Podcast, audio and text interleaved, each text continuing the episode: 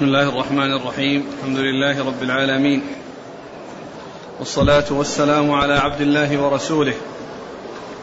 نبينا محمد وعلى آله وصحبه أجمعين. أما بعد قال الحافظ الإمام ابن ماجه القزويني في سننه باب اجتناب البدع والجدل. قال حدثنا سويد بن سعيد وأحمد بن ثابت الجحدري قال حدثنا عبد الوهاب الثقفي عن جعفر بن محمد عن أبيه عن جابر بن عبد الله رضي الله عنهما أنه قال كان رسول الله صلى الله عليه وعلى آله وسلم إذا خطب احمرت عيناه وعلى صوته واشتد غضبه كأنه منذر جيش يقول صبحكم مساكم. ويقول بعثت أنا والساعة كهاتين ويقرن بين إصبعيه السبابة والوسطى ثم يقول أما بعد فإن خير الأمور كتاب الله وخير الهدي هدي محمد وشر الأمور محدثاتها وكل بدعة ضلالة. وكان يقول من ترك مالا فلأهله ومن ترك دينا أو ضياعا فعلي وإلي. بسم الله الرحمن الرحيم. الحمد لله رب العالمين وصلى الله وسلم وبارك على عبده ورسوله نبينا محمد وعلى آله وأصحابه أجمعين. أما بعد فيقول الإمام ابن ماجه رحمه الله باب في اجتناب البدع والجدل. هذه ترجمه لبيان التحذير من البدع والجدل والابتعاد عنهما والاجتناب هو الترك والتباعد بحيث يكون كأنه في جانب وهذا الذي يترك في جانب آخر. ليس هناك صلة بين بينه وبينه. بل يكون هناك البعد والتنائي فيما بينهما والاجتناب آآ آآ هو آآ المقصود به الابتعاد عن الشيء بحيث يكون هناك تباعد بينه وبين ما يجتنبه فكأن هذا في جانب وذاك في جانب لا تلاقي بينهما ولا تقارب بينهما ولا اتصال بينهما. والبدع جمع بدعة. والبدعة في الدين هي ما أحدث في الدين مما ليس له أصل في الشرع. ما أحدث في دين الله عز وجل وأضيف إليه. وقد أكمل الله عز وجل الدين. ولم يبق هناك نقص يحتاج يحتاج فيه إلى تكميل. فالرسول صلى الله عليه وسلم توفاه الله عز وجل وقد بلغ الناس كل ما يحتاجون إليه. بلغ أمته كل ما أمر بتبليغه إياهم عليه الصلاة والسلام. كما قال الإمام الزهري رحمه الله من الله الرسالة وعلى الرسول البلاغ وعلينا التسليم فالله تعالى منه الرسالة وقد حصلت لأنه أرسل الرسل وأنزل الكتب. والرسل بلغوا البلاغ المبين وأدوا ما أمروا بتأديته على التمام والكمال. ونبينا محمد عليه الصلاة والسلام خاتم الأنبياء قد بلغ البلاغ المبين وبين للناس ما يحتاجون إليه. وليس هناك أحد بعده آه، يوحى إليه. بخلاف الأنبياء السابقين فإن يأتي بعضهم وراء بعض وآخرهم نبينا محمد عليه الصلاة والسلام.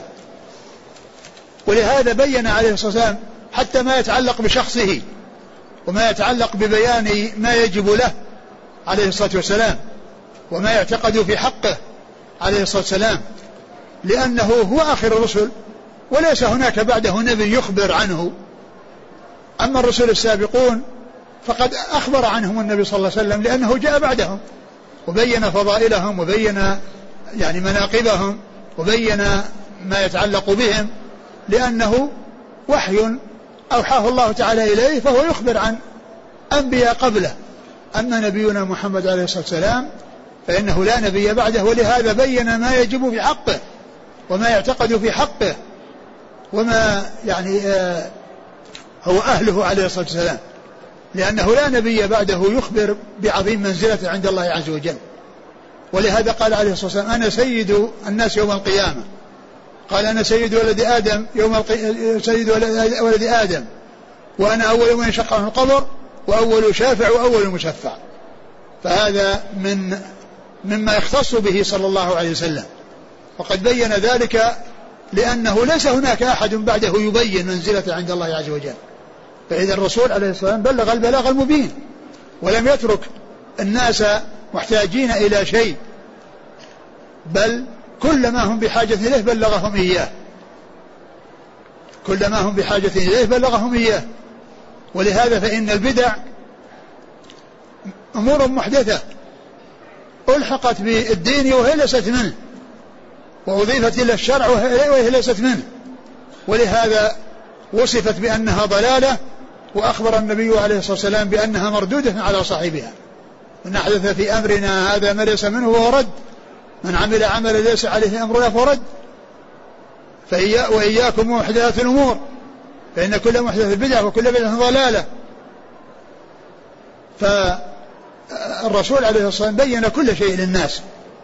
وإذا آه، آه، حصل من أحد أنه أحدث في الدين ما ليس منه معنى ذلك أنه آه، متهم الرسول صلى الله عليه وسلم بأنه ما بلغ البلاغ المبين.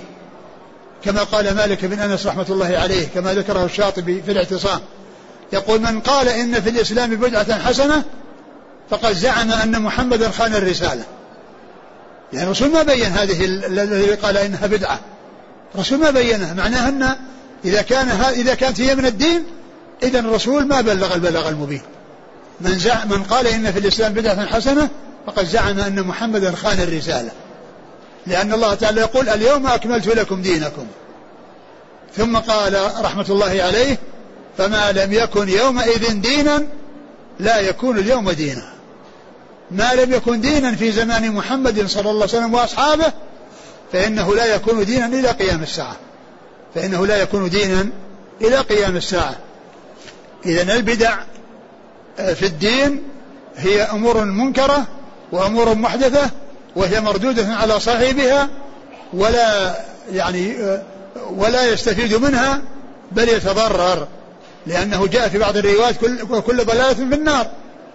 وقال عليه الصلاة والسلام في الفرق التي هي من هذه الأمة ومن أمة الإجابة ستفترق هذه الأمة على ثلاث وسبعين فرقة كلها في النار إلا واحدة وهي الجماعة وهي من كان على ما عليه رسول الله صلى الله عليه وسلم وأصحابه.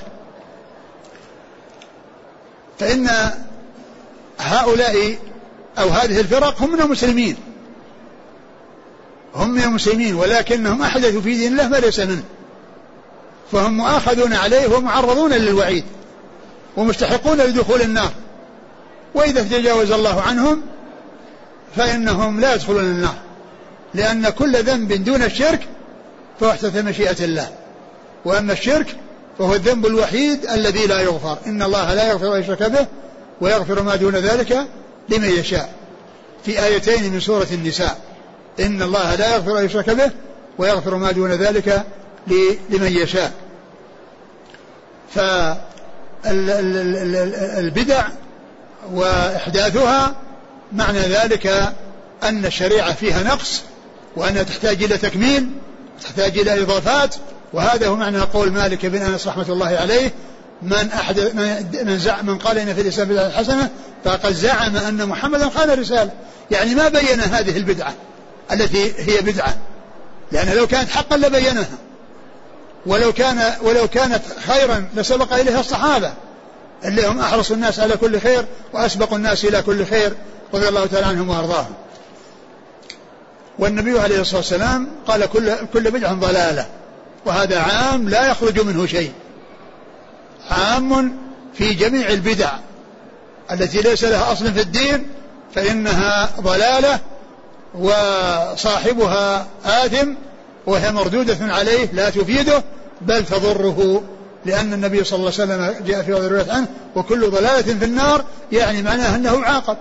والثلاث والثنتين وسبعين فرقة اللي هم غير الفرقة الناجية قال هم كلها في النار إلا واحدة يعني أنهم مستحقون للنار. وإذا دخلوها لا يخلدون لأنهم مسلمون فيخرجون منها إذا أدخلوا ولا يخلدون فيها تخليد الكفار الذين لا سبيل لهم إلى الخروج من النار. ولا سبيل لهم إلى, إلى, إلى الخلاص منها بل هم باق بل الكفار باقون فيها أبد الآباد وكل من مات غير مشرك فإنه أمره إلى الله إن شاء عذبه وأخرجه وأدخله الجنة وإن شاء أدخله الجنة من أهل أول وهلة فتجاوز عنه وغفر له ولم يعاقبه على ما حصل. سواء كان ذلك يتعلق بالبدع أو يتعلق بالمعاصي. سواء كان ذلك يتعلق بأمراض الشبهات التي هي البدع أو أمراض الشبهة الشهوات التي هي المعاصي التي هي المعاصي. ثم قال والجدل. يعني اجتنب الجدل. والمراد بالجدل شدة الخصومة. والمراد بذلك ما كان جدلا بالباطل. أما المجادلة بالتي هي أحسن لإظهار الحق فإن ذلك مأمور به. كما قال الله عز وجل ادعو إلى سبيل ربك بالحكمة والموعظة الحسنة وجادلهم بالتي هي أحسن. قال ولا تجادلوا أهل الكتاب التي التي هي أحسن إلا الذين ظلموا منهم. فالمجادلة والمناقشة في الحق للوصول إلى الحق مع مع البعد عن آه، الوقوع في في في شبهات أهل الأهواء وأهل البدع. الذين يجادلون بالباطل يعني هذا هو المذموم. الجدل أي المجادلة بالباطل أو المجادلة التي آه، فيها معارض في, مخالفة النصوص أو في فهم النصوص على أوجه لا تدل عليها. كما هو شأن أهل البدع الذين يؤولون النصوص ويلوون أعناقها إلى ما يريدون وإلى ما يشتهون. فهم يأتون بالنصوص ولكنهم آه، آه، يجرونها أو يعني يأتون بها على على على ما يشتهون وعلى ما يريدون. يعني لا يريدون يريدونها إلا من أجل تأييد باطلهم وإظهار باطلهم. فإذا الجدل الذي هو مأمور بالابتعاد عنه واجتنابه هو الجدل بالباطل وشدة الخصومة التي ليست للوصول إلى الحق وإنما للتغلب والغلبة أو للمجادلة بالباطل بحيث آه، آه، يحرص على أن يظهر باطله وأن آه، يخفي أو يستر يعني ما هو حق. ثم أورد ابن ماجه رحمه الله حديث جابر بن عبد الله في في في في في الكيفية التي يكون عليها عليه الصلاة والسلام في خطبه خطب الجمعة. كان هذا كما جاء في بعض الروايات في خطب الجمعة. كان إذا خطب آه، احمر آه، آه، احمرت عيناه. نعم. وانتفخت أوداجه. وعلى صوته. وعلى صوته. يعني معناه أنه يتأثر ويتغير. لا سيما إذا كان في أمر فيه ترهيب وتخويف أو يعني في أمر قد وقع وهو أمر منكر. فإن النبي صلى الله عليه وسلم آه، يعلن إنكاره ولكنه لا يسمي لا يسمي من حصل منه وإنما يقول ما بال أقوام يفعلون كذا وكذا. ما بال أقوام يفعلون كذا وكذا. فيكون هذا ال ال الذي يبينه لهم ولغيرهم. يعني هم هم المعنيون يعرفون أنفسهم وغير المعنيين قد لا يعرفون قد يعرفون من هو معني وقد لا يعرفون من هو معني.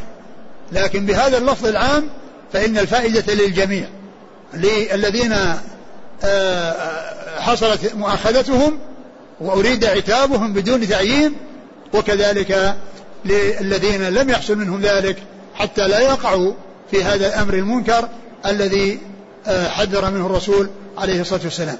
فكانت هذه هيئته وهذه صفته عليه الصلاة والسلام يعني آه، يعني آه، وهذا يعني جاء في أنه في خطبة الجمعة.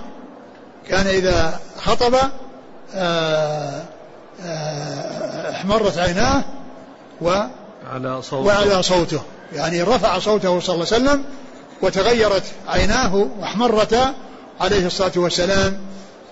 واشتد غضبه. واشتد غضبه.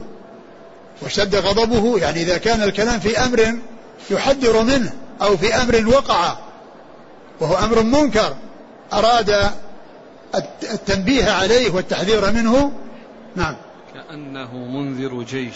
كأنه منذر جيش.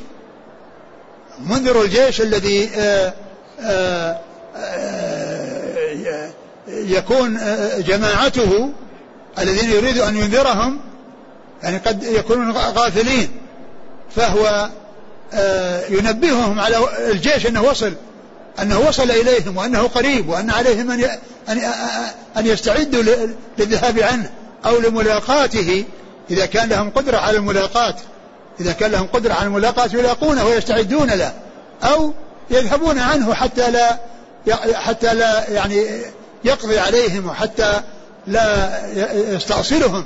إذا كانوا قلة قليلة فكان عليه الصلاة والسلام كأنه منذر الجيش. الذي يقول صبحكم ومساكم يعني جاءكم العدو جاءكم العدو. جاءكم وصل وصل إليكم أنه قريب منكم. ف يعني آه، يحصل هذا منه برفع الصوت وبالاهتمام وبالحرص على سلامة هؤلاء الذين ينبههم كأنه منذر جيش يقول صبحكم مساكم. يعني صبحكم العدو مساكم العدو. ابتعدوا ابتعدوا عنه اذهبوا عنه لا تجلسوا. لا تبقوا في, في, في مكانكم هذا ارتحلوا أو استعدوا له للملاقاة لا يهجم عليكم وأنتم غافلون. فيحصل منكم فيحصل منه استئصالكم والقضاء عليكم أو إلحاق الضرر الكبير بكم. نعم. ويقول بعثت أنا والساعة كهاتين. ويقول بعثت أنا والساعة كهاتين. وأشار بإصبعه السبابة والوسطى. يعني أن الساعة قريبة من منه وأن الفرق وأن المسافة فيما بينه وبينها كما بين السبابة والوسطى فإنه ليس هناك بينها بينهما أصبع بل هما إصبعان متجاوران فليس بينهما فاصل. ومعلوم أن النبي عليه الصلاة والسلام هو آخر الرسل والرسل قبله وأما هو فآخرهم وكان يعني الساعة قريبة لأنه ما يعني آه، آه، قرب آه، مجيئها وأن أنه بعث والساعة كهاتين يعني كما بين السبابة والوسطى من التقارب فإن المسافة التي بين بعثته وبين قيام الساعة كالمسافة التي تكون بين الوسطى والسبابة بمعنى أنه ليس بينها بينهما إصبع فكذلك هو ليس بينه وبينها أحد لأنه آخر الرسل عليه الصلاة والسلام فهي تقوم على أواخر أمته وتقوم على شرار الخلق من أمته الذين تدركهم الساعة وهم أحياء وهم شرار الخلق فتقوم عليهم الساعة. وهذا فيه إشارة إلى قرب قيام الساعة وأن الإنسان يستعد بالأعمال الصالحة يستعد بالأعمال الصالحة للساعة. ومعلوم أن كل من مات جاءت ساعته وقامت قيامته. يعني الساعة تدرك من كان في آخر الزمان. وأما من كان قبل ذلك فكل من مات جاءت ساعته وقامت قيامته. ولهذا الرسول صلى الله عليه وسلم يعني قد سئل مما سئل عنه قيل له يا رسول الله متى الساعة؟ فالنبي عليه الصلاة والسلام أحيانا يجيب بشيء من أماراتها وأحيانا يلفت نظر السائل إلى ما هو أهم من سؤاله. فإنه لما سأله رجل وقال يا رسول الله متى الساعة؟ الرسول عليه الصلاة والسلام قلب عليه السؤال وقال له ماذا أعددت لها؟ يعني ماذا أعددت للساعة إذا قامت؟ ما هي الأعمال الصالحة التي فعلتها لتجد ثوابها بعد قيام الساعة. وماذا أعددت لها. فوفق السائل للجواب فقال أعددت لها حب الله ورسوله. عليه الصلاة والسلام. فقال عليه الصلاة والسلام المرء مع من أحب. ثم إن أنس بن مالك رضي الله عنه كما في صحيح البخاري لما ذكر هذا الحديث قال فوالله ما فرحنا بشيء بعد الإسلام. يعني بعد فرحنا بنعمة الإسلام. وأننا مسلمون أشد منا فرحا بهذا الحديث. لأن النبي صلى الله عليه وسلم قال المرء مع من أحب. ثم قال أنس فأنا أحب رسول الله صلى الله عليه وسلم وأحب أبا بكر وعمر وأرجو من الله أن يلحقني بهم بحبي إياهم وإن لم أعمل مثل أعمالهم. نعم. ثم يقول أما بعد فإن خير الأمور كتاب الله. ثم يقول فإن خير الأمور كتاب الله. وفي بعض خير الكلام خير الحديث كلام الله. وكلام الله عز وجل هو خير الكلام. وهو خير الحديث. ومن أحسن من الله قيل ومن أحسن من الله حديثا. وهو خير الكلام لأنه كلام الخالق. لأنه كلام الخالق سبحانه وتعالى. فكلامه خير الكلام. كلامه خير الكلام. ليس هناك كلام يماثله أو يساويه أو يدانيه بل هو خير الكلام وأصدق الكلام وأصدق, وأصدق الحديث وأصدق القول. من أحسن الله قيلا ومن أصدق من الله حديثا. فكلامه هو خير الكلام وحديثه خير الحديث وقوله خير القول وهو أصدق كل كلام وخير كل كلام كلام الباري سبحانه وتعالى. إن خير الكلام خير الأمور كلام الله. وخير الهدي هدي وخير الهدي هدي محمد صلى الله عليه وسلم. الهدي الطريقة والمنهج والمسلك الذي آه، يسلك إنما هو هدي الرسول عليه الصلاة والسلام. وأما غيره فإنها بدع ومحدثات. كما قال عليه الصلاة والسلام عليكم بسنتي وسنة الخلفاء الراشدين. يعني التزموا طريقتي وطريقة الخلفاء الراشدين. وإياكم ومحدثات الأمور فإن كل محدثة بدعة وكل بدعة ضلالة. فخير الهدي هدي محمد صلى الله عليه وسلم. لأنه معصوم ولأنه آه، جاء بالحق والهدى من الله ففي ما جاء به العصمة وفيه السلامة وفيه النجاة وفي الخروج عنه الهلاك والضلال. كما قال الله عز وجل وأن هذا صراطي مستقيما فاتبعوه ولا تتبعوا السبل فتفرق بكم عن سبيله. ذلك وصاكم به لعلكم تتقون. نعم. وشر الأمور محدثاتها. وشر الأمور محدثاتها التي هي بدع ليست في كتاب الله ولا في سنة رسوله صلى الله عليه وسلم. ليست في كتاب الله ولا في سنة رسوله عليه الصلاة والسلام وإنما هي من الإحداث في الدين ومن الابتداع بالدين. ومن إضافة شيء إلى الدين ليس منه. فهذا شر شر شر الأمور. شر الأمور محدثاتها. وهو ما أحدث في دين الله مما ليس له أصل في الدين. فهذا هو الشر وهذا هو الضلال وهذا هو الغي وهذا هو الوقوع فيما يعود على الإنسان بالضرر في الدنيا والآخرة. نعم. وكل بدعة ضلالة. وكل بدعة ضلالة. يعني هذه المحدثات التي حذر منها بدع والبدع ضلال. كل البدع ضلال. يقول يقول عبد الله بن عمر كل بدعة ضلالة وإن رآها الناس حسنة. كل بدعة ضلالة وإن رآها الناس حسنة. و و وهذه القضية عامة لا يخرج منها شيء. ولا يستثنى منها شيء. فإن البدع في الدين كلها محدثة وكلها ضلال. وأما ما كان فيه إحياء لسنن قد أميتت فهذا ليس إحداث وإنما هو إظهار للسنن. مثل ما حصل من عمر رضي الله عنه في صلاة التراويح فإنه أظهر هذه السنة وأحياها لأن الرسول صلى الله عليه وسلم فعلها. فإذا صارت مستحبة في فعل النبي صلى الله عليه وسلم في حياته حيث فعلها وأصحابه معه. هو الذي فعلها فإذا هي موجودة في حياة النبي صلى الله عليه وسلم. ما أحدثت بعده عليه الصلاة والسلام وإنما حصلت في حياته ولكنه تركها خشية أن تفرض على الناس.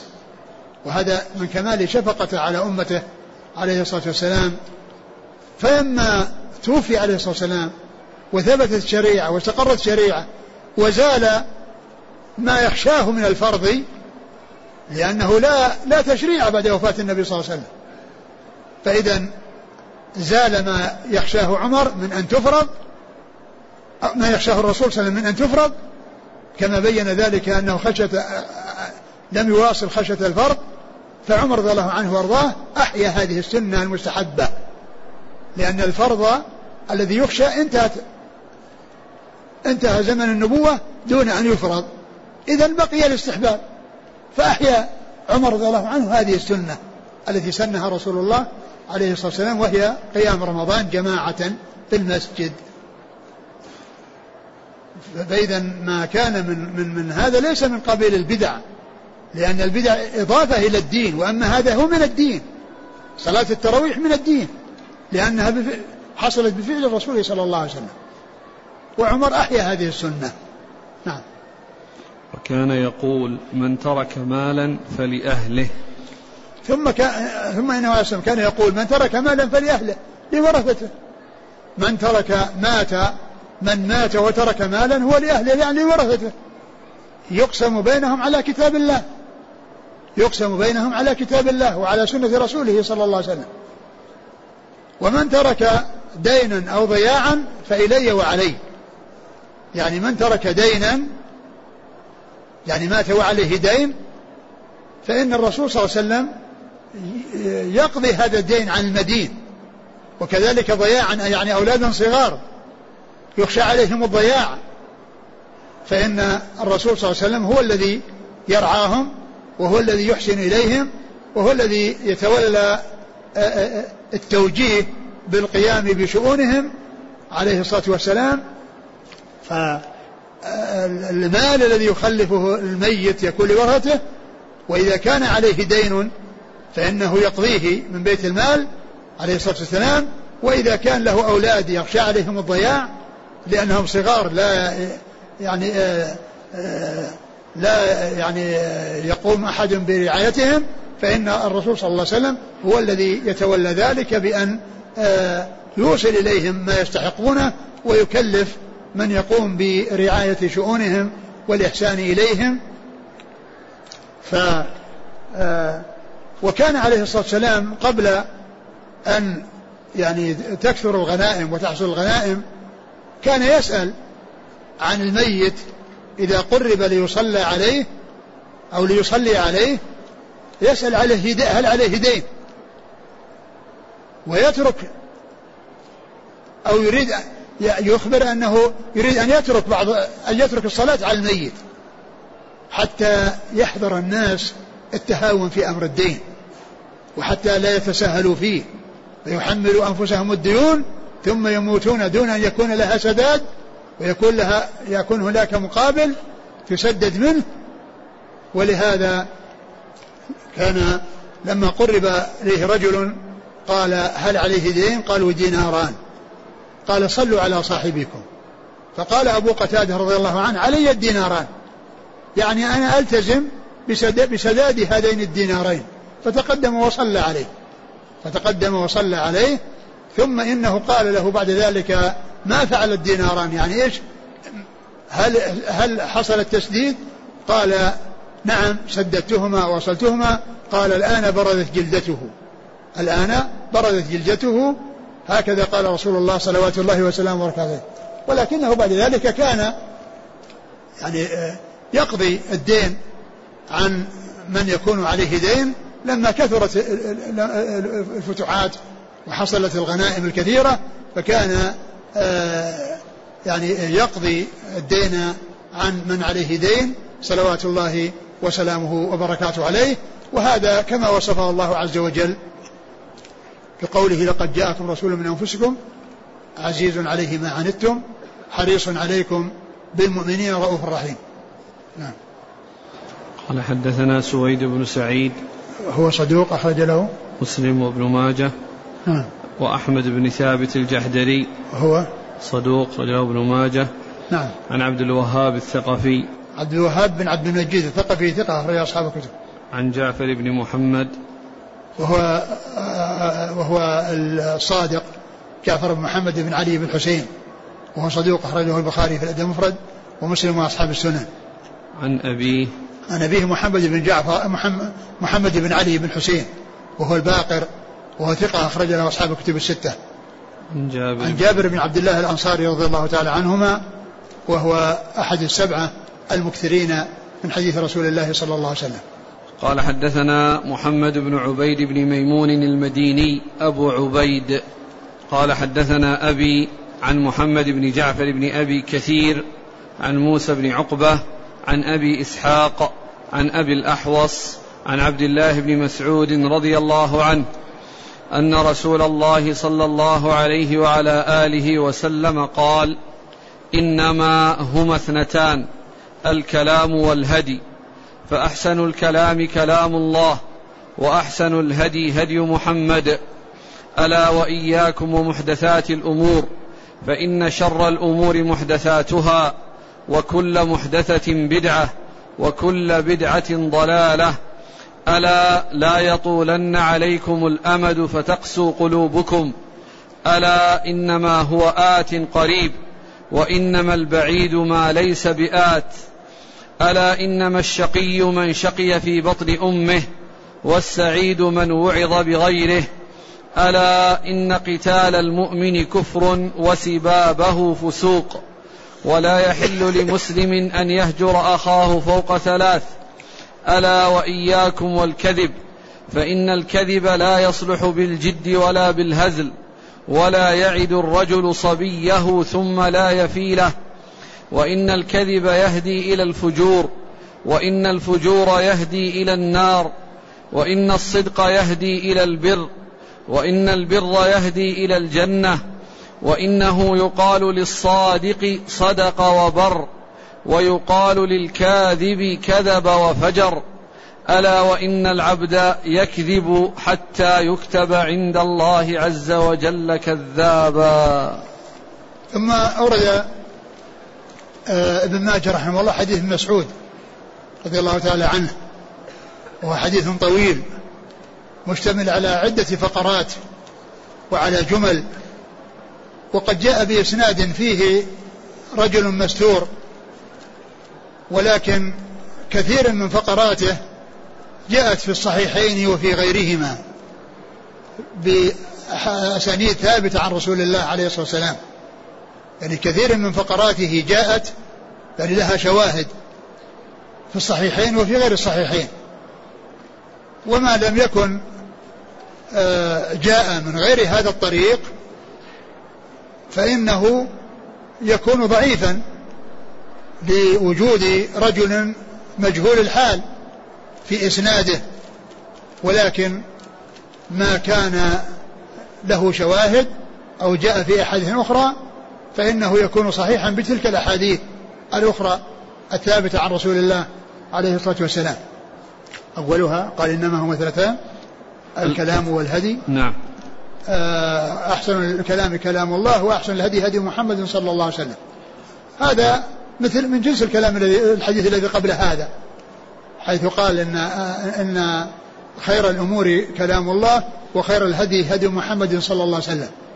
فإن يعني الحديث الذي قبل حديث جابر وهو في صحيح مسلم وهو في صحيح مسلم يعني يدل على ذلك وأن كلام الله هو خير الكلام وخير الهدي هدي محمد صلى الله عليه وسلم.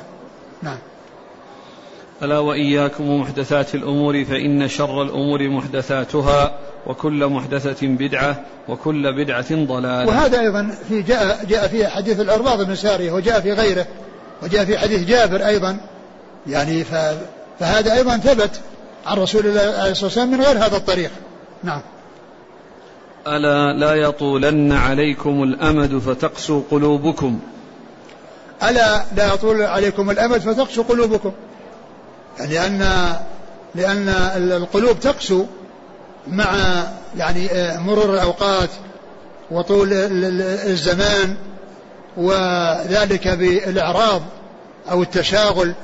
عن ما يعود على الإنسان بالخير ولهذا يعني حذر من ذلك رسول الله عليه الصلاة والسلام.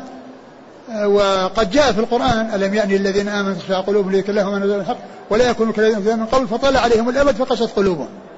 ولا يكونوا كالذين أوتوا من قبل فطال عليهم الأمد فقست قلوبهم. نعم. ألا إنما هو آت قريب وإنما البعيد ما ليس بآت. ما هو آت قريب كل شيء سيأتي فهو قريب. يعني مثل الساعة. الساعة يعني آه، هي ستأتي. والذي يسأل عن الساعة يعني الساعة آتية. ولهذا الرسول صلى الله عليه وسلم قال يعني ماذا أعددت لها؟ يعني كل آت كل آت فإنه فإنه فإنه قريب يعني سيأتي. وإنما الذي لا يأتي هو وإنما؟ البعيد ما ليس بآت. وإنما البعيد ما ليس بآت. فما, فما هو آت؟ فإنه قريب وسيأتي. وما ليس بآت وما ليس بقريب وما ليس وإنما البعيد وإنما البعيد ما ليس بآت. نعم. ألا إنما الشقي من شقي في بطن أمه. يعني الشقي من شقي في بطن أمه. من كتب شقيا وهو في بطن أمه. قد جاء في الحديث أنه يكتب يعني أجله ويعني و وشقي وسعيد. يعني في كتابة شقاوة يعني من شقي في بطن أمه يعني من كتب أنه شقي. والسعيد من كتب أنه سعيد. من كتب أنه سعيد في بطن أمه فهو سعيد ومن كتب بأنه شقي فهو شقي. ولهذا مما يكتبه الملك عندنا في الروح فيه أنه شقي أو سعيد؟ أنه شقي أو سعيد. والسعيد من وعظ بغيره. السعيد من وعظ بغيره هو الذي يستفيد. يستفيد مما يحصل للغير من آه، آه، آه، يعني العقوبات ومن البلاء الذي يحل بسبب الذنوب والمعاصي. فيحذر الذنوب والمعاصي حتى لا تحصل له العقوبة. فاستعيد, من وعظ بغيره. فاستعيد من وعظ بغيره. لأنه يستفيد. يستفيد من من الأحداث. ويستفيد من من من من مما يحصل. من البلاء. يعني بحيث يعني يحذر الوقوع في الأسباب التي توصل إلى هذا البلاء الذي حصل لغيره. فيبتعد عن الأسباب الموصلة لذلك. نعم. ألا إن قتال المؤمن كفر وسبابه فسوق؟ ألا إن قتال المسلم كفر وسبابه فسوق؟ والكفر هنا كفر دون كفر. كفر دون كفر.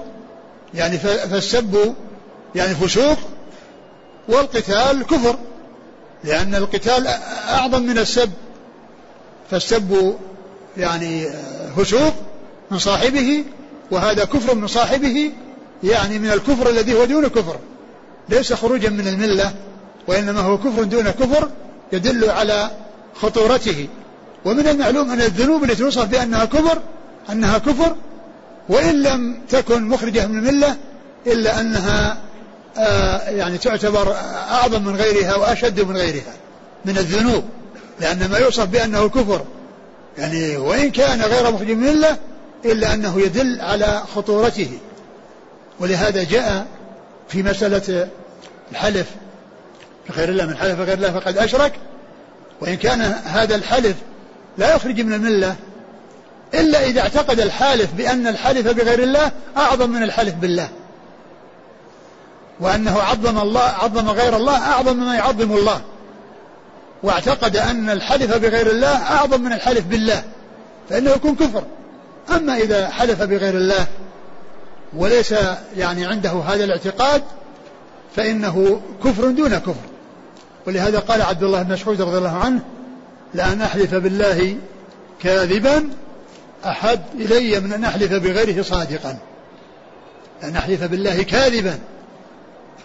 لأن الحلف بالله يعني حق وإيمان والكذب معصية. حلف بالله حلف بمن يحلف به لكنه كذب. فما, فما وجد منه الشرك وجد منه التوحيد وهنا حلف بمن يحلف به. لكنه كونه كاذب هذه معصية. ومعصية آه، آه، الكذب أهون من كون الإنسان يحلف بغير الله عز وجل. الذي هو شرك أو الذي وصف بأنه شرك. لأن أحلف بالله صادقا أحب إلي من أن أحلف بغيره صادقا. لأن أحلف بالله كاذبا أحب إلي من أحلف بغيره صادقا. لأن حلف بالله توحيد والصدق يعني آه، مطلوب. لكن إذا كذب فيه ارتكب ذنبا حيث لا يصدق وإنما كذب. والكذب كما هو معلوم كل ذنب دون الشرك. يعني آه، فهو أهل يغفر. وإن كان هذا الشرك الذي هو بالحلف بغير الله إذا لم يكن اعتقد أنه ليس الحلف عنده أعظم من الحلف بالله فإنه شرك دون شرك وكفر دون كفر. لا يخرج من الملة لكن الشيء اللي يوصف بأنه كفر أعظم من الشيء الذي لا يوصف بأنه كفر. ولهذا هذا معنى كلام مسعود لأن أحلف بالله كاذبا أحب إلي من أن أحلف بغيره صادقا. لأنه ولو صدق يعني الصدق يعني خصلة طيبة ومن خصال الخير لكنه الذي حصل منه أنه حلف بمن لا يحلف به. فكان هذا موصوف بأنه شرك. وهو لا يخرج من الملة إلا إذا كان على الوجه الذي ذكرت. نعم. ولا يحل لمسلم أن يهجر أخاه فوق ثلاث. وهذا أيضا ثبت عن رسول الله صلى الله عليه وسلم. لا يحل لمسلم أن يهجر أخاه فوق ثلاث. نعم.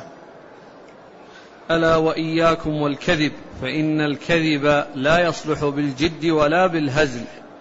نعم وهذا التحذير من الكذب جاء. وكذلك الكذب يعني يبتعد الإنسان عنه سواء جادا أو هازلا.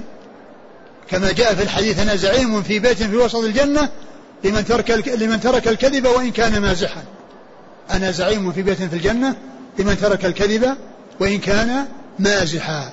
يعني فالكذب لا يؤتى به لا في الجد ولا في الهزل لا في الجد ولا في الهزل نعم. ولا يعد الرجل صبيه ثم لا يفي له. وكذلك أيضا جاء في بعض الأحاديث الصحيحة ما يدل على ذلك بأن يقول تعال أعطيك أو تعال خذ الذي معي أو أعطيك كذا فإن ذلك لا يجوز. يعني لا يعد الصبي شيء ولا يفي.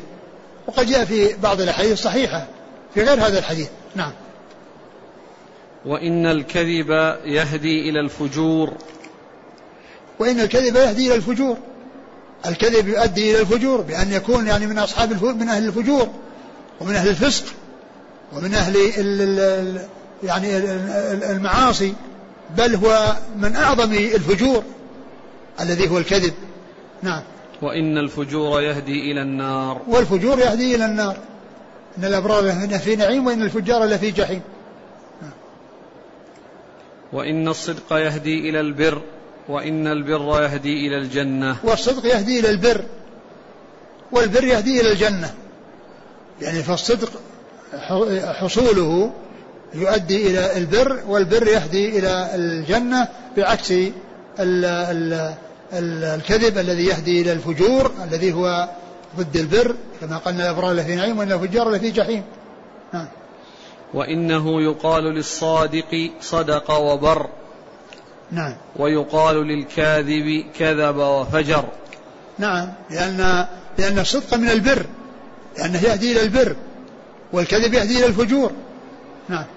ألا وإن العبد يكذب حتى يكتب عند الله عز وجل كذابا. نعم وهذا يعني أيضا جاء ولا يزال الرجل يصدق ويتحرى الصدق حتى يكتب عند الله صديقا. وإن الرجل لا يكذب ويتحرى الكذب حتى يكتب عند الله كذابا. يعني معناها أن من حرص على الصدق وتحراه وحفظ لسانه من أن يقول كذبا فإن هذا عمل يؤدي إلى البر. ويعني ويستمر وبه الحال حتى باستمراره حتى يكون يعني آه، يكتب عند الله صديقا.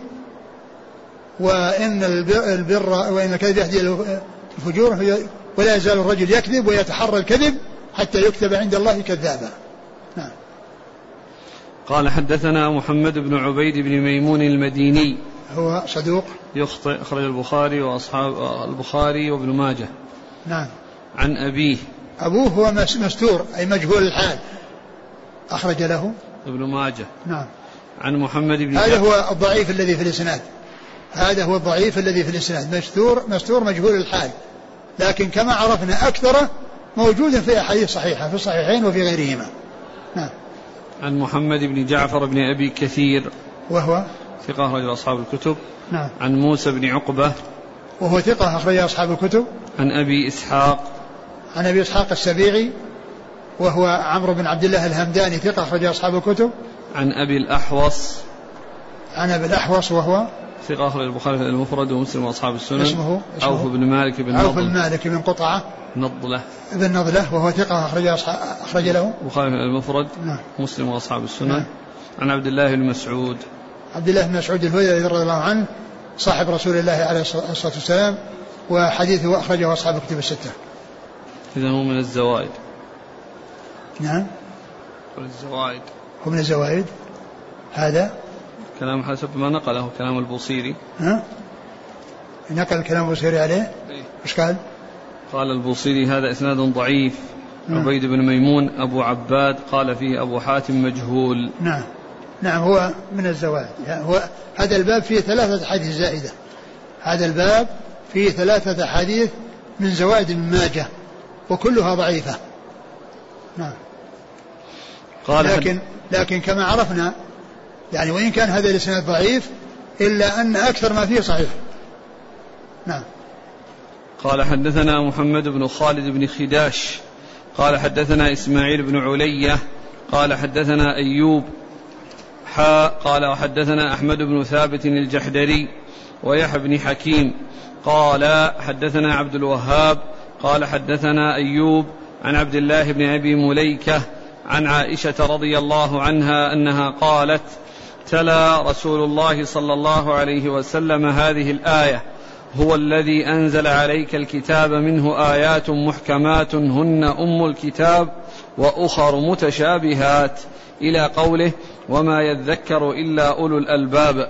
فقال يا عائشة إذا رأيتم الذين يجادلون فيه فهم الذين عناهم الله فاحذروهم. ثم أورد ابن ماجه حديث عائشة رضي الله عنها وأن النبي صلى الله عليه وسلم تلا هذه الآية من أول في أول سورة آل عمران ثم قال إذا رأيتم الذين يتبعون ما تشابه منه فأولئك الذين عناهم الله فاحذروهم. يعني الذين يتبعون المتشابه. القرآن فيه محكم وفيه متشابه. وأهل السنة والجماعة يأخذون بالمحكم ويردون المتشابه إلى المحكم. ويردون المتشابه إلى المحكم. وأما أهل الزيغ والضلال فإنهم يعمدون إلى المتشابه ويجادلون فيه ويجادلون فيه ولا يردونه إلى المحكم وإنما يتشبثون بدلالة يعني آيات متشابهة على مذاهبهم الفاسدة وعلى آرائهم الكاسدة ويجادلون في ذلك. وهذه طريقة أهل الزيغ هم أهل جدل. يعني هم أهل جدل في الباطل. وهم يعني آه، فيهم لدد في الخصومة. ويعني عقائدهم مبنية على الرأي ومبنية على الكلام وليست مبنية على النصوص. وما جاء في النصوص مخالفا لما يريدون يلوون أعناقه ويعني يعملون على توجيهه إلى ما يريدونه من الباطل. وهذا هو معنى كونهم يتبعون المتشابه. يعني المتشابه يأتون إليه ويتبعونه ويجادلون ويجادلون ويتركون المحكم. وأما أهل السنة فإنهم يأخذون بالمحكم وأما المتشابه فيردونه إلى المحكم. المتشابه يردونه إلى المحكم. نعم.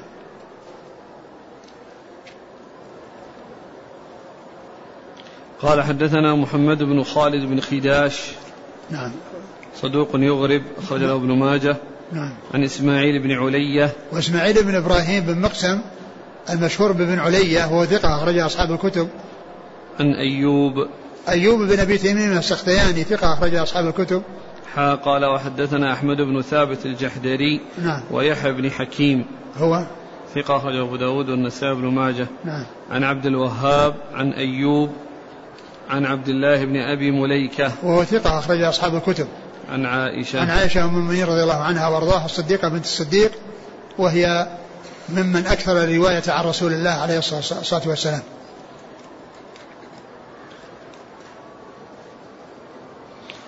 قال حدثنا علي بن المنذر قال حدثنا محمد بن فضيل حا قال وحدثنا حوثرة بن محمد قال حدثنا محمد بن بشر قال حدثنا حجاج بن دينار عن أبي غالب عن أبي أمامة رضي الله عنه أنه قال قال رسول الله صلى الله عليه وعلى آله وسلم ما ضل قوم بعد هدى كانوا عليه إلا أوتوا الجدل. ثم تلا هذه الآية بل هم قوم خصمون. ثم أورد ابن ماجه رحمه الله هذا الحديث. أن النبي عليه الصلاة والسلام قال ما ضل قوم بعد هدى كانوا عليه إلا أوتوا الجدل. ثم قال ثم ثم تلا قوله بل هم قوم خصمون. فهذا فيه أن من كان على الحق ثم ابتلي بالخروج منه والوقوع في الضلال فإنه يؤتى الجدل ويبتلى بالجدل. وهي الخصومة بالباطل والتعلق بالشبهات والتعلق بالمتشابه من اللفظ من كتاب الله وسنة رسوله صلى الله عليه وسلم الذين مر في الحديث السابق قول النبي صلى الله عليه وسلم أولئك الذين سمى الله فاحذروهم الذين يتبعون متشابه ويجادلون في الباطل. و وكونهم على حق ثم تركوه وصاروا إلى الباطل فإنهم يبتلون بأن يؤتوا الجدل وهو الخصومة في الباطل والتمسك يعني بالكلام علم الكلام الفاسد وترك الاستدلال بالنصوص وبما جاء عن الله وعن رسوله عليه الصلاة والسلام وعن صحابته الكرام رضي الله تعالى عنهم وأرضاهم فيكون ذلك من العقوبة. لأن السيئة تكسب السيئة ومن العقوبة على السيئة أن الإنسان يبتلى بسيئة أخرى جرت إليها السيئة الأولى كما أن من ثواب الحسنة على الحسنة أن يوفق الإنسان لحسنة بعدها جرت إليها تلك الحسنة. فهذا الذي في الحديث هو من الأول الذي فيه حصول السيئة التي يعاقب الإنسان عليها بأن يبتلى بسيئة أخرى. فهذا مما يشهد لهذا الكلام الذي الذي يقال الذي يقال فيه إن إن إن إن, أن من العقوبة على السيئة أن يبتلى بسيئة أخرى. فإنه ابتلي بترك الحق فصار ضالا فأعطي الجدل وابتلي بأن صار من أهل الجدل ومن أهل الخصومة بالباطل. وهذا كما قال الله عز وجل فلما زاغوا أزاغ الله قلوبهم. فلما زاغوا أزاغ الله قلوبهم. لأن الزيغ الأول ترتب عليه إزاغة. وهي زيادة في الشر وزيادة في الانحراف. فالزيغ ترتب عليه إزاغة. والزيغ هذا ذنب أول ثم عوقب عليه بالإزاغة. التي هي ذنب آخر وزيادة في, في, في, في الشر وزيادة في, في الضلال وزيادة في البعد عن الحق والهدى. وقوله صلى الله عليه وسلم ما ضل قوم بعد هدى كانوا عليه إلا أوتوا الجدل. هذا يعني آه، مما يبينه أو مما يكون مبينا لقول الله عز وجل فلما زاغوا أزاغ الله قلوبهم. لأن الذنب الذي هو الزيغ ترتب عليه إزاغة وذلك زيادة في الزيغ. زيادة في الزيغ وزيادة في الضلال. نعم. قال حدثنا علي بن المنذر هو؟ صدوق الترمذي والنسائي وابن ماجه نعم. عن محمد بن فضيل وهو بن غزوان صدوق أخرجه أصحاب الكتب. حا قال وحدثنا حوثرة بن محمد وهو صدوق أبو داود وابن ماجه عن محمد بن بشر وهو ثقة أخرج أصحاب الكتب. عن حجاج بن دينار وهو ثقة لا بأس به. لا بأس به أخرج له. أصحاب السنن. نعم. عن أبي غالب. عن أبو غالب وقال عنه الحافظ في التقريب مقبول. ولكن حديثه يعني لا بأس به لأن لأنه وثقه يعني آه، ابن حبان ويعني جاء يعني ال ال يعني الثناء عليه يعني من غيره وروى عنه جماعة فمثل مثله يكون حديثه حسنا. أبو غالب. أبو غالب نعم. أبو غالب صاحب أبي أمامة. نعم. بصري. ما قال مع مقبول لا. ها. أبو غالب صاحب أبي أمامة بصري نزل أصبهان قيل اسمه حزور وقيل اسمه سعيد بن حزور وقيل نافع صدوق يخطئ. نعم صدوق يخطئ نعم. بعض العلماء نعم قال الحافظ صدوق يخطئ لكن بعض بعض العلماء ضعفه بأبي غالب. ولكنه مثل ما ذكر الحافظ أنا كنت أظنه من قال فيه مقول وغيره لكنه قال صدوق يخطئ وقد يعني صحح حديثه بعض أهل العلم. نعم. أخرج له البخاري المفرد وأصحاب السنن. نعم. عن أبي أمامة. أبو أمامة سدي بن عجلان الباهلي رضي الله عنه. أخرج له أصحاب الكتب الستة. هذا يعني آه، هذا من آه، الزوائد التي غير الحديث الأول؟ سيأتي. ستأتي نعم. نعم. قال حدثنا داود بن سليمان العسكري. قال حدثنا محمد بن علي. أبو هاشم بن أبي خداش الموصلي قال حدثنا محمد بن محصن عن إبراهيم بن أبي عبلة عن عبد الله بن الديلمي عن حذيفة رضي الله عنه أنه قال قال رسول الله صلى الله عليه وعلى آله وسلم لا يقبل الله لصاحب بدعة صوما ولا صلاة ولا صدقة ولا حجا ولا عمرة ولا جهادا ولا صرفا ولا عدلا يخرج من الإسلام كما تخرج الشعرة من العجين. وهذا الحديث يعني فيه رجل كذب كذاب وهو موضوع غير ثابت عن رسول الله عليه الصلاة والسلام. وفيه يعني آه، وهو, وهو واضح في خطورة البدع وأن صاحبها يعني لا يقبل الله منه آه، حجا ولا كذا إلى آخره. ولكن كما عرفنا الحديث لم يثبت. وأصحاب البدع ينقسمون إلى قسمين بدع مكفرة وهذا هم الذين يعني ينطبق عليهم مثل ما جاء في, في هذا الحديث الموضوع أو في هذا الكلام اللي في الحديث الموضوع. لأن من كان كافرا لا يقبل الله منه. لكن الحديث غير ثابت. ومن كان بدعته مفسقة وليست مكفرة لا يقال فيه إن الله لا يقبل منه حجا ولا صوما ولا ولا إلى آخره. وإنما آه كما جاء في, في, في, في الحديث آه آه أن أهل البدع أو أهل افتراق هذه الأمة إلى 73 فرقة كلها في النار إلا واحدة وهي الجماعة فاثنتان وسبعون فرقة هم من المسلمين ولكنهم معرضون للوعيد ولا يقال أنهم كفار ولا يقال أن أعمالهم مردودة وأنها يعني وأنها يعاملون معاملة الكفار. فمن كانت بدعته مفسقة لا يقال فيه مثل هذا الذي جاء في الحديث الموضوع. ومن كانت بدعته مكفرة فإنه لا لا سبيل له إلى الجنة وليس أمامه إلى النار. لقول الله عز وجل إن الله لا يغفر أن يشرك به ويغفر ما دون ذلك لمن يشاء. فإذا هذا الحديث بهذا الإسناد الذي جاء في هذا الإسناد والذي فيه هذا الرجل الذي كذبوه هو يعني موضوع. نعم. هذا من الزوائد وهو من الزوائد وهذا من زوائد ابن ماجه. يعني الأحاديث الثلاثة اللي فيه ضعيفة.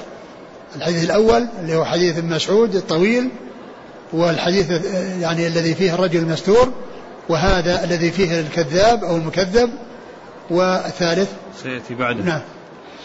قال حدثنا داود بن سليمان العسكري. يعني روى عن من؟ كيف؟ صحابي حذيفة. عن حذيفة. نعم. حذيفة بن اليمان أخرج حديثه أصحاب الكتب الستة. الإسناد قال حدثنا داود.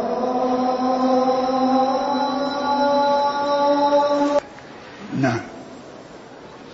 قال حدثنا داود بن سليمان العسكري صدوق رجل النسائي وابن ماجه. نعم. عن محمد بن علي. محمد؟ بن علي أبو هاشم بن أبي خداش الموصلي. نعم. ثقة أخرجه النسائي وابن ماجه. عن محمد بن محصن. محمد بن محصن هذا هو كذبوه. نعم. أخرج له ابن ماجه. نعم. عن إبراهيم بن أبي عبلة. وهو؟ ثقة أخرج أصحاب الكتب إلا الترمذي. نعم. عن عبد الله بن الديلمي. عبد الله بن فيروز وهو ثقة أخرج له. أصحاب السنن. نعم. عن حذيفة. نعم. قال حدثنا عبد الله بن سعيد. قال حدثنا بشر بن منصور الحناط عن أبي زيد عن أبي المغيرة عن عبد الله بن عباس رضي الله عنهما أنه قال قال رسول الله صلى الله عليه وسلم أبى الله أن يقبل عمل صاحب بدعة حتى يدع بدعته. ثم أورد آه، آه، ابن ماجه رحمه الله هذا الحديث عن ابن عباس أبى الله أن يقبل عمل صاحب بدعة حتى يترك بدعته. أبى الله أن يقبل عمل صاحب بدعة حتى يترك بدعته. وهذا من جنس الذي قبله. يعني الذي فيه أنه لا يقبل الله منه كذا. يعني الذي قبله. لكن كما هو معلوم لصاحب البدعة الذي بدعته مفسقة وليست مكفرة هو من المسلمين. وأعماله له وسيئاته عليه. أعماله له وسيئاته عليه وهو بسبب سيئاته وبسبب بدعته معرض للوعيد ومستحق للوعيد إن عذبه الله عز وجل وإن تجاوز عنه فإنه لا يعذب وإن عذبه فإنه لا يخلده في النار كما يخلد الكفار وإنما مآله إلى الجنة. وهذا هو آه، الذي سبق أن أشرت إليه في أهل البدع أهل الفرق الثنتين والسبعين فرقة اللي هم غير الفرقة الناجية الذين قال فيهم الرسول صلى الله عليه وسلم أنهم في النار هم من, من المسلمين ومستحقون للنار. والله عز وجل إن عذبهم عذبهم ولا يخلدهم فيها وإن تجاوز عن من تجاوز عنه منهم فإنه يدخله الجنة ولا يعذبه. آه، أما فيما يتعلق بالتوبة فإنه قد جاء أن الله حجب التوبة عن, عن, صاحب البدعة. وذلك أن صاحب البدعة لا يتوب لأنه يعتقد أنه على حق ولهذا يستمر على بدعته حتى يموت دون أن يتوب. لكن كما عرفنا إذا كان مات من غير توبة وبدعته غير مكفرة وإنما مفسقة فأمره إلى الله عز وجل. إن شاء عذبه وإن شاء عفى عنه. لكن أصحاب الذنوب الذين هم أمراض الذين مرضهم مرض شبه شهوة يعني كالزنا والسرقة وما إلى ذلك من المعاصي هؤلاء يتوبون لأنهم يعرفون أنهم مذنبين. وأما ذاك ما يقول أنه مذنب يقول أنه على حق. فيعمى فيكون زين له سوء عمله فرآه حسنا. واستمر عليه ومات عليه. أما من زين له سوء عمله فرآه حسنا. فإنه آه لا تحصل له التوبة وتحجب عنه التوبة ويموت على بدعته. لكن كما عرفنا إذا كانت بدعة مفسقة فإنه لا لا يخلد في النار إن دخلها. وإن عفى الله عنه فإنه لا يدخلها. وهذا هو الفرق بين المبتدع والعاصي. العاصي المرتكب للذنوب كالزنا والسرقة وغير ذلك هذا يعرف أنه مذنب. ولهذا يتوب. يتوب من ذنبه. وأما هذا ما يعرف أنه مذنب. هذا يقول أنا على حق وهو على باطل. كما قال الله عز وجل أفمن زين له سوء عمله فرآه حسنا. وهذا يبين لنا أن البدع أعظم من المعاصي. لأن البدع قد يموت الإنسان على بدعته دون توبة لأنه يرى أنه على حق. وأما المعاصي فإن العاصي يعرف أنه مذنب وقد يتوب لأنه يعرف أنه مذنب. وهذا هو الفرق بين العاصي وبين المبتدع بين صاحب البدعة وصاحب المعصية. هذا حري بأن يتوب وهذا يعني بعيد عن أن يتوب. إلا إذا إلا إن الله عز وجل آه، وفقه للتوبة وظهر له أن ما عليه باطل فتاب منه. نعم. قال حدثنا عبد الله بن سعيد هو الأشج وهو ثقة أخرج له. أصحاب الكتب. نعم. عن بشر بن منصور الحناط. هو صدوق إلى ابن ماجه. عن نعم. أبي زيد. أبو زيد وأبو المغيرة مجهولان. فالحديث ضعيف بهذين المجهولين. أخرج لهما ابن ماجه. ابن ماجه. عن عبد الله بن عباس. عبد الله بن عباس بن عبد المطلب رضي الله تعالى عنهما أحد العبادلة وأحد السبع المكثرين من حديث الرسول صلى الله عليه وسلم. هذا آخر الحديث هذا لا بقي حديث آخر لكن هذا الزوائد. نعم هذا من هذا من الزوائد نعم. يعني ثلاث الزوائد وكلها بإسناد ضعيف. نعم. الحديث الأخير قال حدثنا عبد الرحمن بن إبراهيم الدمشقي وهارون بن إسحاق قال حدثنا ابن أبي فديك عن سلمة بن وردان عن أنس بن مالك رضي الله عنه أنه قال قال رسول الله صلى الله عليه وسلم من ترك الكذب وهو باطل بني له قصر في ربض الجنة. ومن ترك المراء وهو محق بني له في وسطها. ومن حسن خلقه بني له في أعلاها. هذا الحديث آه، جاء بهذا الإسناد وفيه آه، ابن وردان. سلامة نعم. نعم هذا هو الذي يعني آفته أو هذا هو علة ضعف الحديث. ولكن الحديث ثابت بغير هذا اللفظ. هذا فيه قلب. لأن الحديث الذي ورد عن الرسول صلى الله عليه وسلم وهو صحيح أنا زعيم في بيت في ربض الجنة وهو أدناها. يعني لمن ترك المراء وإن كان محقا. وزعيم في بيت في الجنة في وسط الجنة. لمن ترك الكذب وإن كان مازحا. وفي بيت في أعلى الجنة لمن حسن خلقه. لمن حسن خلقه. فهذا فيه يعني مع ذلك الحديث آه، جعل الذي ترك الكذب هو الذي في الدرجة الأولى وجعل الذي ترك المراء فوقه. الذي ترك المراء فوقه فإذا فيه قلب وهو بهذا الإسناد فيه هذا الرجل ولكنه ثابت في الحديث الآخر الذي فيه بلفظ أنا زعيم في بيت في ربض الجنة لمن ترك المراء وإن كان محقا. ومن ترك الكذب وإن كان مازحا ومن ترك ومن حسن خلقه. نعم. قال حدثنا عبد الرحمن بن إبراهيم الدمشقي. وهذا الذي يلقب دحيم أخرج له البخاري وأبو داود والنسائي بن ماجه. نعم. وهارون بن إسحاق هو صدوق رجل البخاري في القراءة والترمذي والنسائي بن ماجه. نعم. عن ابن أبي فديك. وهو محمد بن إسماعيل صدوق أخرج له أصحاب الكتب. نعم. عن سلمة بن وردان. وهو؟ ضعيف ولله نعم. البخاري في المفرد الترمذي وابن ماجه. نعم. عن أنس بن مالك.